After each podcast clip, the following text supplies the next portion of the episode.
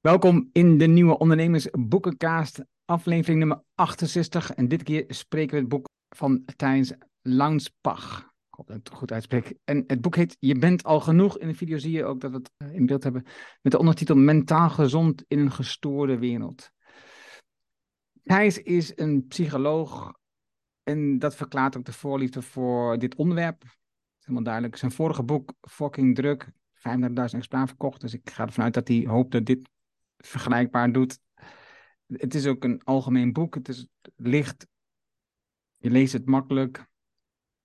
Veel persoonlijke ervaringen en ideeën zitten erin, waarvan ik ook soms vind dat ze niet echt heel erg sterk onderbouwd zijn. Hij schrijft columns, ik weet niet meer welke krant, maar in een bekende krant. En hij, AD. Geeft, AD, en hij geeft les aan de School of Life. Dat is wel een bekende, uh, met Al, uh, Alain de Toch? Ja, Alain de Botton heeft het opgericht en in Amsterdam is het zeer succesvol. Ja. Dus ja, dit is denk ik precies uh, een boek wat past in het genre wat hij schrijft en waar hij les in geeft. Dat is de psychologie, dat past allemaal heel goed. De korte indruk van mij, van mij van dit boek.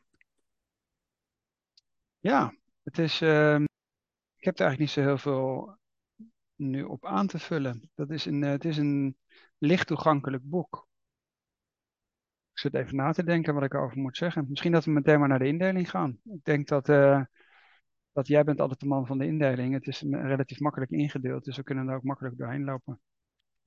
Uh, niet vergeten dat we hebben het boek weer gekregen van de uitgever Spectrum. En, en aan de ene kant is dat dus Tom van der Lubbe die in Zurich zit. Welkom Tom.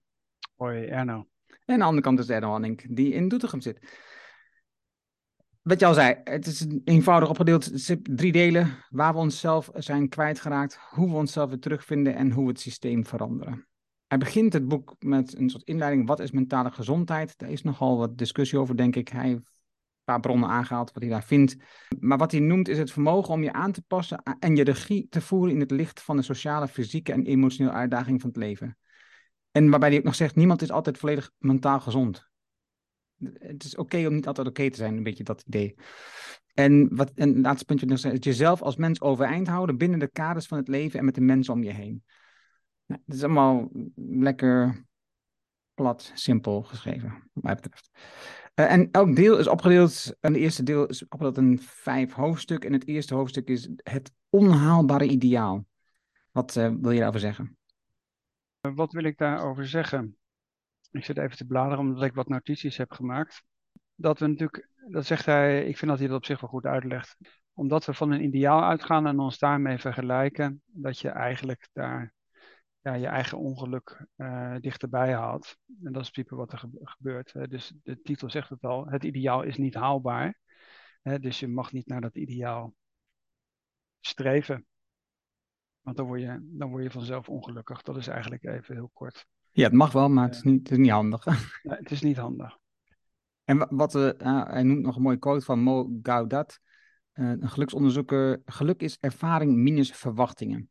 En dus heb je grote verwachtingen, dan is de kans groot dat je weinig geluk ervaart. En heb je een mooie ervaring met lage verwachtingen, dan geeft dat al snel een gelukkig gevoel. Ik moet herinneren aan een TED-talk waar ooit, wat, dat ging dus over hoe uh, het geluk was verdeeld in de wereld. En je ziet dat Nederland scoort op dat moment vrij hoog. Maar de Scandinavische landen vaak nog iets hoger. En Denemarken scoort heel vaak in de top drie. En dus dat is een Deen in publiek. En werd gevraagd, heb je dan enig idee waarom Denemarken zo hoog scoort? En zegt, nou eigenlijk komt dat waarschijnlijk door omdat wij gewoon een hele lage verwachting hebben van alles. Ja, dat is, ik, ik heb daar wel meteen ook kritiek op. Ten eerste ben ik niet zo'n fan van het citeren van dit soort mensen die eigenlijk de boel ook gewoon al weer gekopieerd hebben. En daar is hij wel een hele goed voorbeeld van. En waar komt dat vandaan? Dat komt, de makkelijkste manier om je doel te bereiken is je verwachtingen te verlagen. En dat wordt gewoon als citaat, wordt dat heel vaak gebruikt, ook in het Engels. Hè? So the easiest way to reach your goals is to lower your expectations. Later in het boek, en dat, daar, wordt het dan, daar komen we naar de hand weer op terug als het over stoïcisme en zo gaat. Ja, daar wordt het dan weer interessant. Alleen, dat is nou juist, dus wat ik op zich wel weer interessant vind, en dat, is, dat gaat eigenlijk, eigenlijk door het hele boek eigenlijk is de kern van het boek het individualisme en het extroverte bereiken van je doel en de sky is the limit. Dus dat is eigenlijk het Amerikaanse wereldbeeld wat we hebben. Dat kritiseert hij. En noemt de hele tijd Amerikanen die een heel slecht voorbeeld zijn. Dus Mogwa dat is, is een Google-man. die heeft op een gegeven moment is die, eh, is die, ik zal maar zeggen, op pad gegaan en is overal gaan spreken. TED Talks, daar zijn de Amerikanen ook heel goed in. Dat zijn nou juist de mensen die je eigenlijk niet zou moeten noemen. En, en als je ze dan al citeert, dan zou je moeten zeggen, ja, waar heeft diegene het van gepikt? Hè? Eh, dat komt dan in principe later in het boek. Maar goed, het is, blijft dat, ja, als je een ideaal definieert wat onhaalbaar is, dat je er niet van happy van wordt en er is een hele hoop, dan kun je dat hele hoop uitsplitsen in liefdes en relaties en bladen en, en uh, dat, dat, dat komt dan ook allemaal wel. Social media, et cetera, et cetera. Ja, daar komen ze op terug. Het happyisme is het tweede onderdeel. En hierin geeft hij behoorlijk af op uh, coaches, met name. Dus de, de goeroes, de coaches die ons voorschotelen dat er uh, een beter leven mogelijk is als je maar hard genoeg werkt. Hè? Dus, uh, en daar hebben ze dan fantastische programma's voor en boeken en coaching, wat je allemaal kunt afnemen. Het liefst standaardprogramma's en in grote groepen, want dan verdienen ze nog meer. En dan haalt hij een onderzoek aan van Sonja Lyubomirsky. Uh, ik weet niet of dat ook een Amerikaan is, maar zij heeft onderzocht dat 50% van ons geluksgevoel is erfelijk bepaald. 10% wordt bepaald door de levensomstandigheden, zoals een baan, relatie, middelen, dus financiële middelen. En 40% komt door de activiteiten, gewoonten en bewuste acties. Dus eigenlijk alleen op dat laatste deel heb je, heb je eigenlijk bewust direct invloed. Meer niet. Het, en hij zegt aan het einde nog, geluk is veel meer een bijproduct van een betekenisvol bestaan. En je wordt gelukkiger van anderen helpen, dan probeer je eigenlijk te verbeteren. Dat is een beetje, nou ja, dat een allemaal bekende uitspraak die denk ik onderhand iedereen wel weet. Ja, wat in dat hoofdstuk natuurlijk interessant is, is bladzijde 46. Daar refereert hij aan een uh, podiumsdiscussie van de drie hoogleraren, georganiseerd door de School of Life. Dirk de Wachter, Paul Verhagen en uh, Damian Denies. De, en dat zijn dus die, die Belgen die in Nederland zo populair zijn. Hè, en dus echt als publieke sprekers heel veel op de bühne zijn. Ja, dat is nou wel heel erg interessant. Omdat dat enerzijds heel inhoudelijk is. En dat, dat, dan, dat is nou juist exact het tegenovergestelde van die Amerikaanse bronnen die steeds genoemd worden. Waar weliswaar, dat, qua onderzoek klopt dat allemaal wel. Maar die maakbaarheid, of dat meten is weten en de sky is the limit. En als je maar wilt, dan kun je het ook bereiken en je moet je best doen, et cetera. Dat is nou juist wat die Belgen bijvoorbeeld nou juist, juist niet doen. Dirk de Wachter is, is en dat zijn overigens fantastische sprekers ook. Dus als je nou dit thema interessant vindt, uh, het is een goede introductie, maar wat erg interessant is, is dus die, die Belgische hoogleraren te bekijken, want uh, die zijn best wel veel in het nieuws, er zijn best wel veel goede video's staan on, online en het is heel erg fijn om naar, naar die heren te luisteren. Het interessante is overigens, wat natuurlijk wel weer relevant is, is dat bijvoorbeeld bladzijde 46, en daar zijn, daar zijn zij bijvoorbeeld ook heel, daar zijn die Belgen ook heel erg duidelijk over. Bijvoorbeeld, dan gaat het erover dat, dat hen gevraagd uh, wordt van ja, wat is jullie mening daarover? Ja, en die, en, en, en die grijpen natuurlijk terug op de, op de Griekse filosofen. Hè? Dus Aristoteles hebben het vaak over gehad. Omdat Aristoteles heeft gezegd, uh, leef een, leef een live a moderate life. Wees matig met alles. Zoek, het altijd, zoek altijd het midden uit tussen de extremen. En het volgende hoofdstuk is fucking moe. Nou dat, sluit natuurlijk aan met uh, zijn vorige boek Fucking Druk. Hier gaat het over chronische stress. En, en, dat heeft voor een groot deel te maken met het feit dat we ja, steeds meer, steeds vaker, steeds langer bereikbaar moeten zijn. Of vinden dat dat moet zijn vanuit ons werk. Um, voor mensen. En we hebben veel afleiding, uh, continu, altijd, overal weer. En bij die dingen zien we ook dus dat bij sommige bedrijven het ook de mens niet echt centraal staat. Hè? Dus, dus je mag als mens je best wel verbeteren als het maar ten goede komt van het netto resultaat. Wat hij noemt, wat ook heel bekend is, is een eenvoudig middel om je stress te laten zakken, is gewoon wandelen. Gewoon, ga gewoon de natuur in, ga eind wandelen, minimaal 30 minuten, want dan daalt je stressniveau al. Zorg goed voor jezelf, we het ook al vaak over gehad. Dat is ook een heel bekend iets. Voldoende bewegen, voldoende slapen, goede voeding, komt straks allemaal terug. Um, want dat zorgt namelijk voor hoe je stress ervaart. Hè? Dus, en stoïcijns, dat komen we straks op terug, dat gaat hier namelijk ook over. Het vierde is vergif in je hoofd. Nou, hier geeft hij enorm af op social media. En ik heb daar een beetje een dubbel gevoel bij, bij dit hoofdstuk bij hem, hoe die mee omgaat. hij zegt, nou ja, die, Amerikaanse bedrijven die zijn hartstikke slim. Hè? Zij, gebruiken ons als gebruiker. om meer advertenties te verkopen. Dus we, wat we willen is gewoon meer tijd in die app of in hun platform. Want dan hebben zij meer advertenties waar, die ze tentoon kunnen spreiden en waar ze dus gewoon geld aan kunnen verdienen. En dus wij zijn eigenlijk um, de verdienmotor van die bedrijven. En dus het enige wat je kunt doen om uit is gewoon minder tijd besteden op die platformen. En dat is niet eenvoudig. We hebben het gevoel dat dat nodig is. Is ook nog een keer, die berichten die worden getoond op die sociale media, dat zijn over het algemeen de, de gelikte plaatjes van mensen.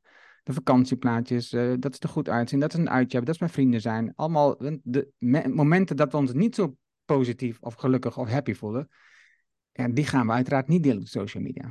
Dus dan krijgen we als mens ook nog eens het gevoel dat we altijd gelukkig moeten zijn, want iedereen om ons heen is gelukkig. Dus op het moment dat we ons niet goed voelen, raken we eigenlijk nog verder in de put, want we zien vrienden om ons heen die ook allemaal heel erg gelukkig zijn. Dus het helpt ook nog niet eens in ons zelfbewustzijn, in ons geluksgevoel, door die social media te, volgen. En dus raken we meer in isolement en ervaren minder leefplezier. Om even dat, wat ik net noemde, dus het verhaal. Hij schrijft over dat hij bijvoorbeeld Instagram, dat hij dat verschrikkelijk vindt. Die app heeft hij ook verwijderd. Maar hij heeft ontdekt voor zijn werk, de column schrijven op AD, dat het wel heel erg belangrijk is. Dan denk ik, oké, belangrijk voor wie? Dus waarom dus? Voor bereik klaarblijkelijk, want hij installeert elke maandag de app om de column te delen en daarna verwijdert die app weer. Dus hij wil er niet slecht van worden, maar hij wil wel gebruik van maken, zodat anderen die er dan last van hebben of die er wel verslaafd zijn, dan wel zijn column kunnen volgen. Denk ik, dat is uh, een beetje hypocriet. Hè? Dus als je vindt dat het niet werkt, maak er dan zelf ook geen gebruik van en laat anderen ook niet verslaafd van zijn om door, jou, uh, door jouw ellende op anderen af te wintelen. Maar goed, oplossingen die hij noemt, um, heel simpel. Verwijder de apps van je telefoon. Doe het in een browser. Dat is allemaal iets, net iets lastiger. Schakel een melding op je telefoon uit, zodat je niet wat lastig valt, allerlei dingen. Schakel over naar grijstinten. Gebruik ik zelf bijvoorbeeld s'avonds ook, dat de s'avonds de telefoon op grijstinten. En dan ga ik toch net iets minder snel je telefoon. Je ziet alles niet in kleur. Dat maakt net iets alles ingewikkelder en minder aantrekkelijk. Simpele oplossingen maakt het een stuk rustiger voor jezelf. Verbinding verbroken, ja. Wat heb ik er daarbij gezet? Ja, dus wat ik, wat ik al eerder zei, van uh, een van de kern, of de kern van het boek is eigenlijk dat we heel erg individualistisch zijn geworden. Dat ik-achtige. En dat we meer terug moeten naar, uh, naar meer collectiviteit en meer groepen en meer dingen samen doen, et cetera. Dat is wat, uh, dat is wat hij daar um, eigenlijk in dat hoofdstukje vertelt. En dat uiteindelijk de mensen in hun eigen bubbeltje zitten. En dat merkt natuurlijk ook iedereen dat, is, dat zie je ook als je onderweg bent, dat iedereen met koptelefoons op zit en op zijn telefoon zit te kijken. Mensen, het is heel rustig geworden in de trein. Dat is wel, is eigenlijk als je wil lezen in de trein, daar is dat heel, uh, dat is veel beter geworden dan, ik zou maar zeggen, 10 of 20 jaar geleden. Want toen zat iedereen te kakelen en nu zit iedereen op zijn beeldscherm te kijken. Dus ja, verbinding verbroken, dat is eigenlijk dat wat, uh, wat, uh, wat iedereen ook wel een beetje aanvoelt. Ja, dus we zijn misschien allemaal ook wel een beetje eenzaam. Maar dan ben je weer bij Dirk de Wachter, et cetera, die daar natuurlijk heel erg de diepte in gaat. Deel 2. Hoe we onszelf terugvinden. En dat de eerste opdracht is wie je bent, weten wie je bent. En daar heeft hij, en ik weet niet, ik ken het model, ik heb er uiteraard van gehoord, maar ik ken het model niet heel erg diep of zo. Hij heeft over het Big Five model. Hij heeft, hij heeft over verschillende modellen die er zijn en tools die er zijn om jezelf te ontdekken. Het is een Amerikaans model opnieuw. En ik heb de twijfel al heel vaak en heel lang over dit soort modellen. Omdat in mijn optiek je als mens regelmatig anders gedraagt. En als je een model invult, is dat momentopname. Maar goed, het Big Five model gaat over extraversie, introversie, openheid, geslotenheid, neuroticisme en emotionele stabiliteit, conscientieusheid, onzorgvuldigheid en altruïsme versus eigenbelang. En hij zegt dan, nou, vul dat eens een keer voor jezelf in, zodat je een beetje weet waar je staat. En dan heb een beetje een beeld hoe je eruit... Dan denk je, en, en dan? Wat doe je er dan mee? Ik heb geen idee. Heb je daar, heb jij daar een visie over? Doe je, doe je daar wat mee bij visie, met dit soort dingen? Eh, dat je uitzoekt hoe mensen in elkaar zitten? Ja, je kunt er wel, bij een hoop van die dingen, als je het interessant vindt, kun je wel gewoon als een soort spiegel daar gewoon eens in kijken en, en gewoon daar eens op zelf op reflecteren. Ben je nou introvert of extrovert? Dus ik heb bijvoorbeeld ook MBTI en dat soort testen ook wel eens ingevuld. Dan heb ik, één keer ben ik introvert en de andere keer ben ik extrovert. Alleen ik zou zeggen, in de context van dit boek, denk ik van ja, vind ik, vond ik het ook weer een beetje onhandig. Omdat mensen die bijvoorbeeld echt wel rondlopen en zeggen van ja, ben ik eigenlijk goed genoeg? Want dat is in principe wat, waar, waar de titel over gaat. En ik, en, ik, en ik kom weer met allerlei dingen van ja, je bent, je bent of dit of dat. Uh, denk ik eerder dat het weer stress oplevert dus als je dat dan zit te lezen, dan zeg je van ja, ben ik eigenlijk bijvoorbeeld conscientieus en onzorgvuldig? Nou, dan lees je dat en dan wil iedereen conscientieus zijn. Wie wil er nou onzorgvuldig zijn? Ja, dus dan denk ik van ja, wat schieten we daar in deze context mee op? Ik dacht van, jongens, ga gewoon een stukje wandelen langs het strand. Laat de, wind door je haren gaan en kijk, naar de eindeloze horizon. Weet je, dat, dat zit ik een beetje als een soort recalcitrante reactie van mij. Als ik dat zit te lezen of gooi het boek uit het raam en ga de natuur in of ga een stukje fietsen, weet je.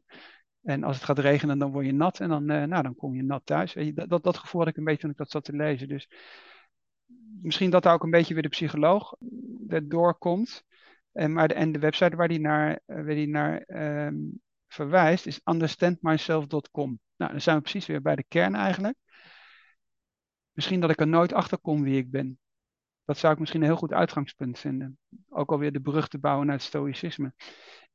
Ik denk dat ik tot het eind van mijn leven helemaal niet weet wie ik ben. Beetje wat uit uh, het boek ook kwam van uh, Lessen van een Samurai. Ja, dus dat is, uh, dat is wat mij persoonlijk denk ik aanspreekt en wat veel mensen ook aanspreekt. Ik bedoel, waarom zijn mensen met yoga en boeddhisme en weet ik veel wat allemaal bezig? Omdat ze gewoon wel juist, juist dat yin en yang, dus dat, dat holistische, dat je eigenlijk alles bent en niks, ja, dat is, dat is eigenlijk, denk ik, wat, wat in de huidige tijd heel veel aantrekkingskracht heeft. Daarom heeft het boeddhisme en die dingen, hè, les van de samurai, waarom heeft dat zo'n hoge aantrekkingskracht? Omdat we volledig opgejaagde konijnen zijn en we krijgen, helemaal geen, we krijgen helemaal geen rust terug. Nou, dan is de natuur helpt, stoïcisme helpt, boeddhisme helpt, mediteren helpt. Dat noemt hij overigens wel hoor. Moet ik, even, moet ik wel zeggen, mediteren zelf komt allemaal wel. Alleen ik denk juist dat in schablonen en vakken werken en cijfers en heb ik zoveel punten of zoveel punten en ben ik dit of ben ik dat. Dat is nou juist iets waar we onszelf denk ik geen goede dienst mee bewijzen als we al rondlopen en zeggen van ik ben één groot vraagteken. Bij uh, hoofdstuk 7 voor jezelf zorgen, daarin want jij gaf net ook een paar wandelen, dat werd al eerder genoemd, maar daarin laat hij nog een aantal andere elementen zien die je, die je helpen om beter voor jezelf te zorgen. Hè? En klinkt zo eenvoudig, uh, en toch gaat het vaak mis dat mensen te weinig doen. Voldoende slaap, voldoende bewegen, goed eten, ontspannen, spelen. Over het spelen vond ik een interessant hoofdstuk, daar heb ik zelf nooit over nagedacht. Meer spel in je leven integreren.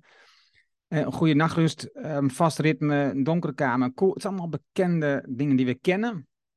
Toch als we kijken naar de stress van het leven, social media volgen, met de telefoon in bed gaan, met de telefoon opstaan. Vaak bij mensen is de telefoon de wekker en dan hebben ze de telefoon in de handen al en dan scrollen ze gelijk door social media. Dat zijn allemaal dingen die je niet wil doen.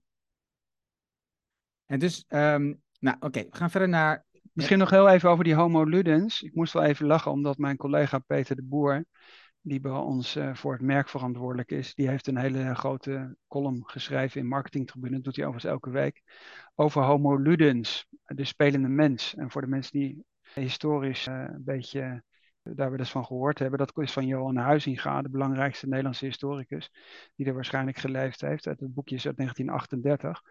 En dat wordt eigenlijk, die homo ludens wordt als als ook archetype of als, als figuur neergezet. Ten opzichte bijvoorbeeld van de Homo economicus is dat, dat spelende. Dus misschien dat we een linkje naar die column kunnen zetten. Ik dacht van, nou, het zou me niet verbazen Thijs als Thijs die column heeft gezien. Omdat ik ook Thijs wel, ik ben wel geconnect met hem, ik ken hem ook wel. Hij heeft ook wel een visietalk, moet ik meteen even hierbij zeggen. Hij heeft wel eens een visietalk gehouden, dus wij nodigen vaak sprekers uit. Het zou me niet verbazen als hij die column van mijn collega gelezen heeft.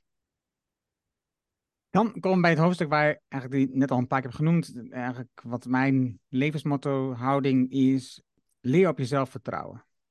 Met hier het grootste onderdeel aandacht voor het stoïcisme. Het stoïcijnse gedrag, waar die verwijst naar de oudheden Seneca, Aurelius, Epictetus, Marcus Aurelius. Waarbij het dus gaat over dat je in de gaten krijgt dat het niet zozeer gaat over dat je alles onder controle wilt hebben, alles onder controle wilt krijgen. Want dat is natuurlijk de behoefte die we zien vanuit het Anglo-Amerikaanse gedachtegoed. we moeten alles um, uh, vastleggen, alles communiceren, alles duidelijk maken, zodat we meer in ieder geval een gevoel krijgen van meer controle. Maar dat, is totale heeft geen zin. We hebben geen controle. We hebben, of het enige ding waar we controle hebben is hoe, op hoe we op dingen reageren. Dat is namelijk wat je zelf doet. Je reageert op omstandigheden, op dingen die je overkomen. En daar heb je controle op. Dus wat je overkomt heb je controle op, maar wel wat je, hoe je erop reageert zelf. En dus ik denk dat dat voor mij, en, zou ook boeddhisme en meer mediteren kunnen gebruiken, maar voor mij, het, de gedachtegang van de Stoïcijns reageren op dingen helpt enorm veel in rust bewaren en in keuzes maken. In keuzes maken die passen bij waar jij voor staat, elk moment weer. Wat hij overigens op pagina 154, op die modelletje, gaat over emoties op waardeschatten. Ook daar zie je weer zijn psychologie-achtergrond naar voren komen. Eh, ja, het is een grappig model. En tegelijkertijd weet ik niet zo goed waar ik mee moet. Het enige wat ik ervan heb onthouden van mezelf, van dat laatste deel, was dat het is goed om emoties ook te hebben. Dat je dat realiseert en dat je ze onderzoekt in plaats van dat je ze wegdrukt. En wat natuurlijk in deze happy-peppy wereld drukken we liever die andere emoties, en ik wil ze niet negatief noemen, maar die andere emoties die we niet prettig vinden, drukken we liever weg. Praten we liever overheen. En terwijl komen allemaal in situaties uit waar we te maken hebben met omstandigheden die niet leuk zijn. Dit, deze zomer is mijn vader overleden, begin, dus in mei. Dat zijn niet dingen die prettig zijn. En dan kun je wel proberen zo snel mogelijk weer in je werkritme te komen. Maar je, je hebt gewoon verwerkingstijd nodig. Het is gewoon emotie die bij ons hoort in ons leven. En dat, ja, dan ben je even niet happy peppy. En dat is helemaal prima. Dat hoort gewoon zo. Wat ik, uh, ik vond dat, dat, dat hoofdstuk op je zelfvertrouwen en dat stoïcisme, dat komt wat mij betreft een beetje tekort. Dus even om even een voorbeeld te noemen. Hij heeft het bijvoorbeeld over, Mar het zegt hij, oké, de drie stoïcijnen. En dan zegt hij tot slot Marcus Aurelius en dan staat er min of meer één zin. Zegt wel nog even een laatste van de, van de goede keizers van het Romeinse Rijk. Maar daar was het nou bijvoorbeeld zinvol geweest om eens wat voorbeelden van Marcus Aurelius bijvoorbeeld te noemen, die, die je heel makkelijk kunt interpreteren. Bijvoorbeeld, het heeft ook met dankbaarheid te maken, compassie, waar die na de hand op terugkomt. Uh, en dingen die ik bijvoorbeeld wel eens heb genoemd, is dat Marcus Aurelius bijvoorbeeld s'avonds altijd, als zijn kinderen lagen te slapen, daarnaar keek naar zijn kinderen, daar dankbaar was en zei van ik hoop dat ze morgen weer dat ze morgen weer normaal wakker worden. Of dat ik morgen daar ook weer een dag van kan gewinnen. Nou, dat is iets heel praktisch, iets heel simpels. En anderzijds heeft het iets heel zwaars. En die oefening vond ik bijvoorbeeld weer wel goed. Ook dat hij die van Seneca bijvoorbeeld heeft uh, genoemd. En die, daar refereert hij naar, naar workshops bij die, die hij bij de School of Life uh, geeft. En daar had, was het denk ik zinvol geweest om daar toch wat meer context te geven. En waarom zeg ik dat? Omdat de opdracht hier is, denk aan je leven. Dus bladzijde 145, denk aan je leven vijf of tien jaar. Beeld je in, alle plannen die je nu hebt, tussen haakjes, gezin, carrière, reizen, vriendschappen enzovoort, zijn volledig mislukt. Werkelijk niets is gegaan zoals je had gepland. Hoe zou je leven er dan uitzien? Zie je, zie je voor dat je dat aan kunt? Hoe zou je hiermee omgaan? Nou, dat is natuurlijk, daar kom je een beetje bij de kern van waar je mee bezig bent. ik weet niet of die, ik geloof dat je, ik weet niet of die Nietzsche ergens citeert. Alles was niet teut, het macht einde sterker. Alles waar, waar je niet van doodgaat, daar word je sterker van. Alleen dat in een context te plaatsen, dat het niet als een soort mokerhamer op je, op je terechtkomt, maar dat je daar eigenlijk stappen aan het verkennen bent. Ik, ik denk dat, het, dat je daar wel wat meer uitleg voor nodig hebt. Omdat we dat namelijk, dat hele idee van de dood, dat hebben wij zo uit ons leven verbannen. Ik denk dat, dat, dat we daar wat langs, dat we dat meer bij stil moeten staan. Alleen ik vind dit bijvoorbeeld wel goed, want dan zou je kunnen zeggen: oké, als, als, nou, als je daar echt de diepte in wil, dan kun je of de Stoïcijnen lezen, of je kunt ik denk ook wel dat de bedoeling is. Of hij zegt van kom maar naar een workshop van mij bij de School of Life. Want daar verzamelen zich al die mensen die zeggen van oh, I'm lost in space. Ik, uh, ik, ik, ik zoek hou vast of ik zoek structuur of ik wil daar de diepte in. Hè, wat, wat ook heel uh, zinvol is. Alleen ik denk, uh, daar zitten wel wat stapjes tussen. Omdat anders zijn de stoïcijnen wel mokerhamer die rauw op je, rauw op je dak vallen. Nou ja, we hebben natuurlijk allebei dit al wat meer geschiedenis in, dus dat helpt. Ik heb verschillende boeken gelezen, heel veel met stoïcisme bezig geweest. Het dagboek van Marcus Aurelius uh, heb ik hier wel liggen. Um, de brieven uh, van um, Seneca heb ik hier liggen. Ja, ik, ik, ik denk ook dat het heel waardevol in deze tijd nog steeds is om, om hierover na te denken, bezig te zijn. Oh, voor mij geldt een beetje hetzelfde met hoofdstuk 9. Doen wat je kunt. Het is ook een vrij dun hoofdstuk. Eh, ook daarin denk ik dat. Eh, we hebben het dan weer ook over het feit dat er veel eh, bullshitbanen zijn. David Graeber haalt hij daar aan. En dat is de baan overigens die we zelf niet nuttig vinden. Dus het kan best wel zijn dat je nog een nuttige baan hebt, maar dat, het, dus, dat je zelf niet vindt dat die nuttig is. En dan ja, dan gaat hij uiteindelijk over naar dat hij zegt van, eh, dus, wat zijn tien grote projecten die ik wil doen? En denk, ja, dan maak je het alweer uh, heel erg meetbaar en ingewikkeld voor mij.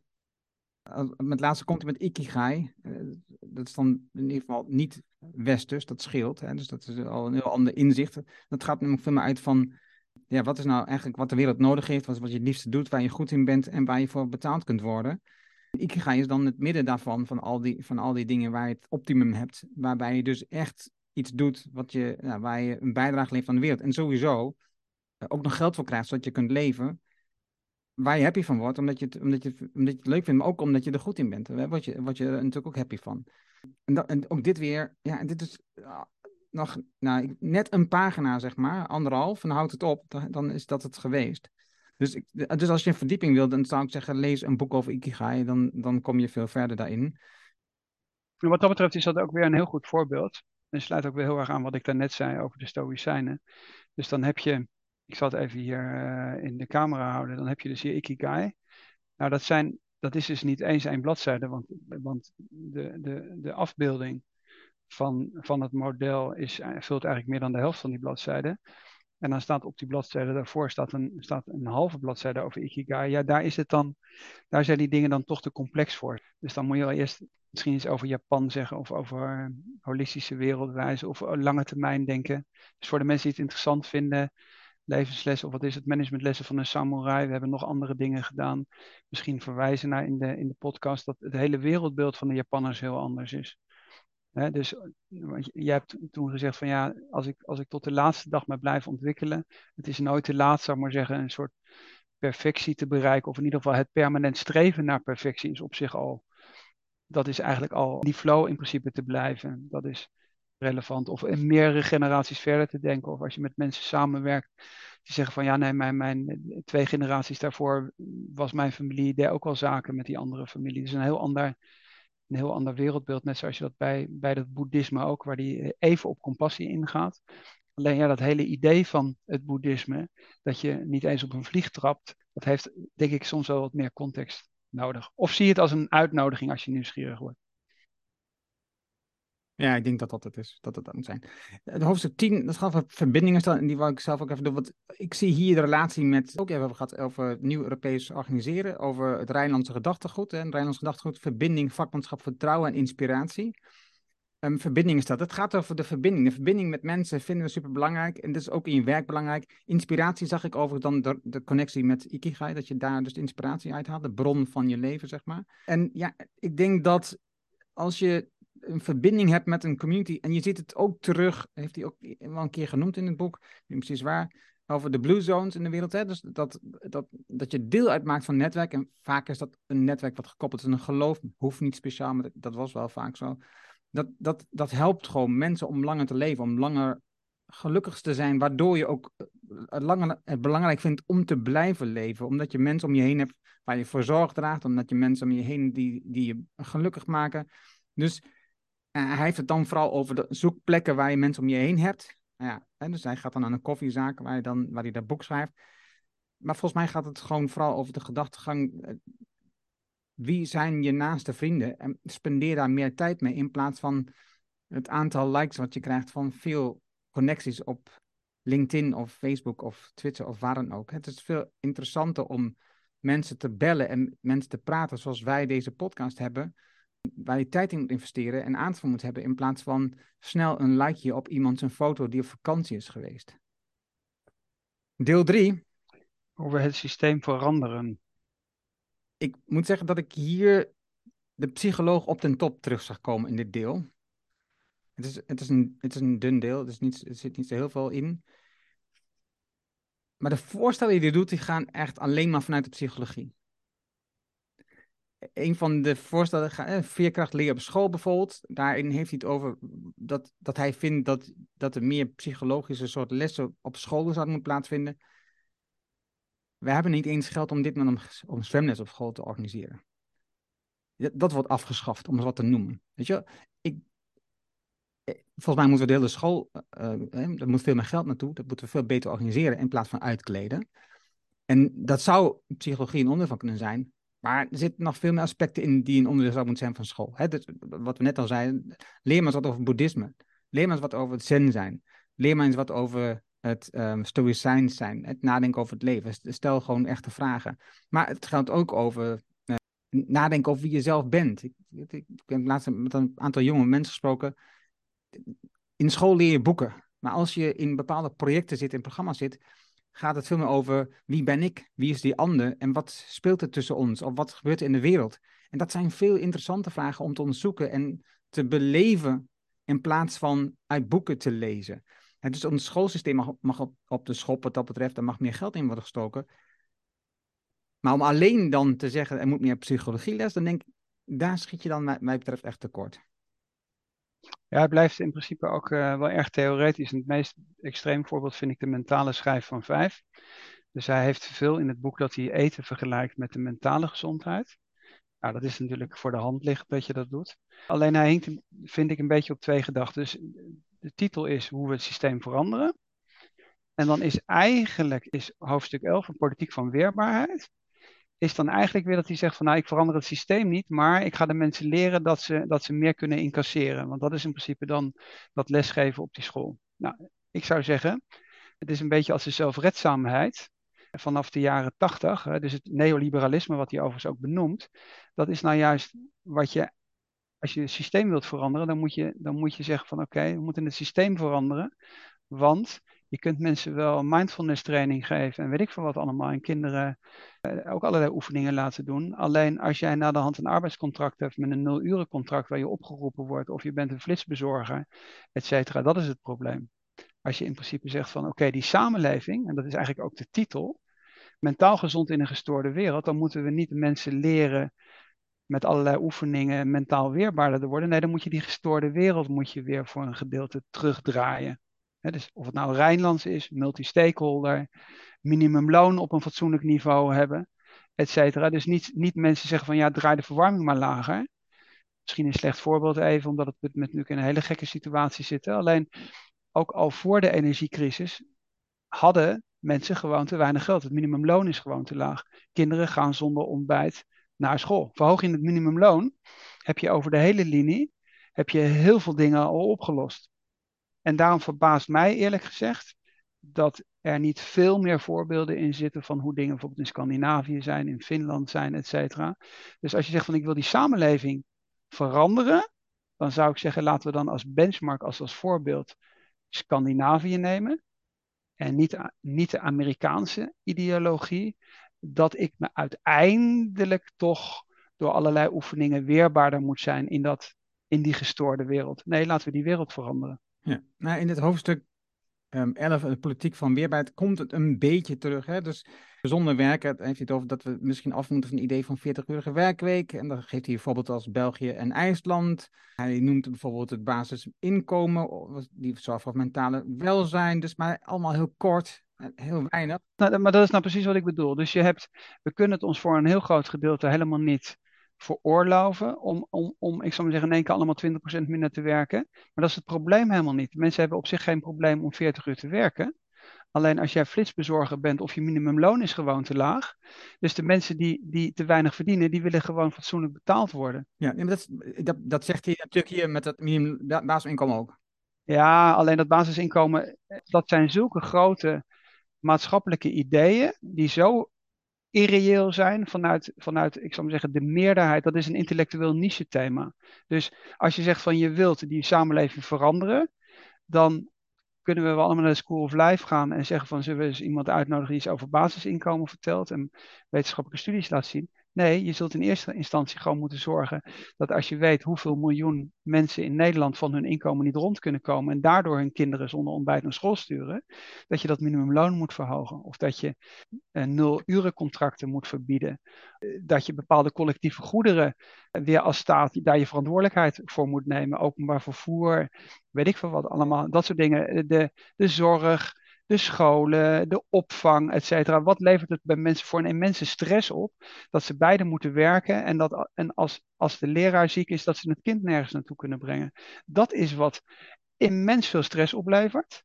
En dat kunnen we met z'n allen oplossen doordat we politiek kiezen of naar de stembus gaan of ons laten horen en dan zeggen van, zou het eigenlijk niet zo moeten zijn dat de staat ervoor zorg draagt dat als jij kinderen hebt, dat je ze naar school kunt brengen en dat je weet dat je ze binnen een bepaalde tijd daar gewoon kwijt kunt, ook als die leraar ziek is en niet dat je een appje krijgt van de leraar is ziek, zoekt u het maar uit, terwijl iedereen eigenlijk weet dat, dat de twee ouders ook gewoon naar kantoor moeten. En dat is wat bij, bij mensen zo gigantisch veel stress veroorzaakt.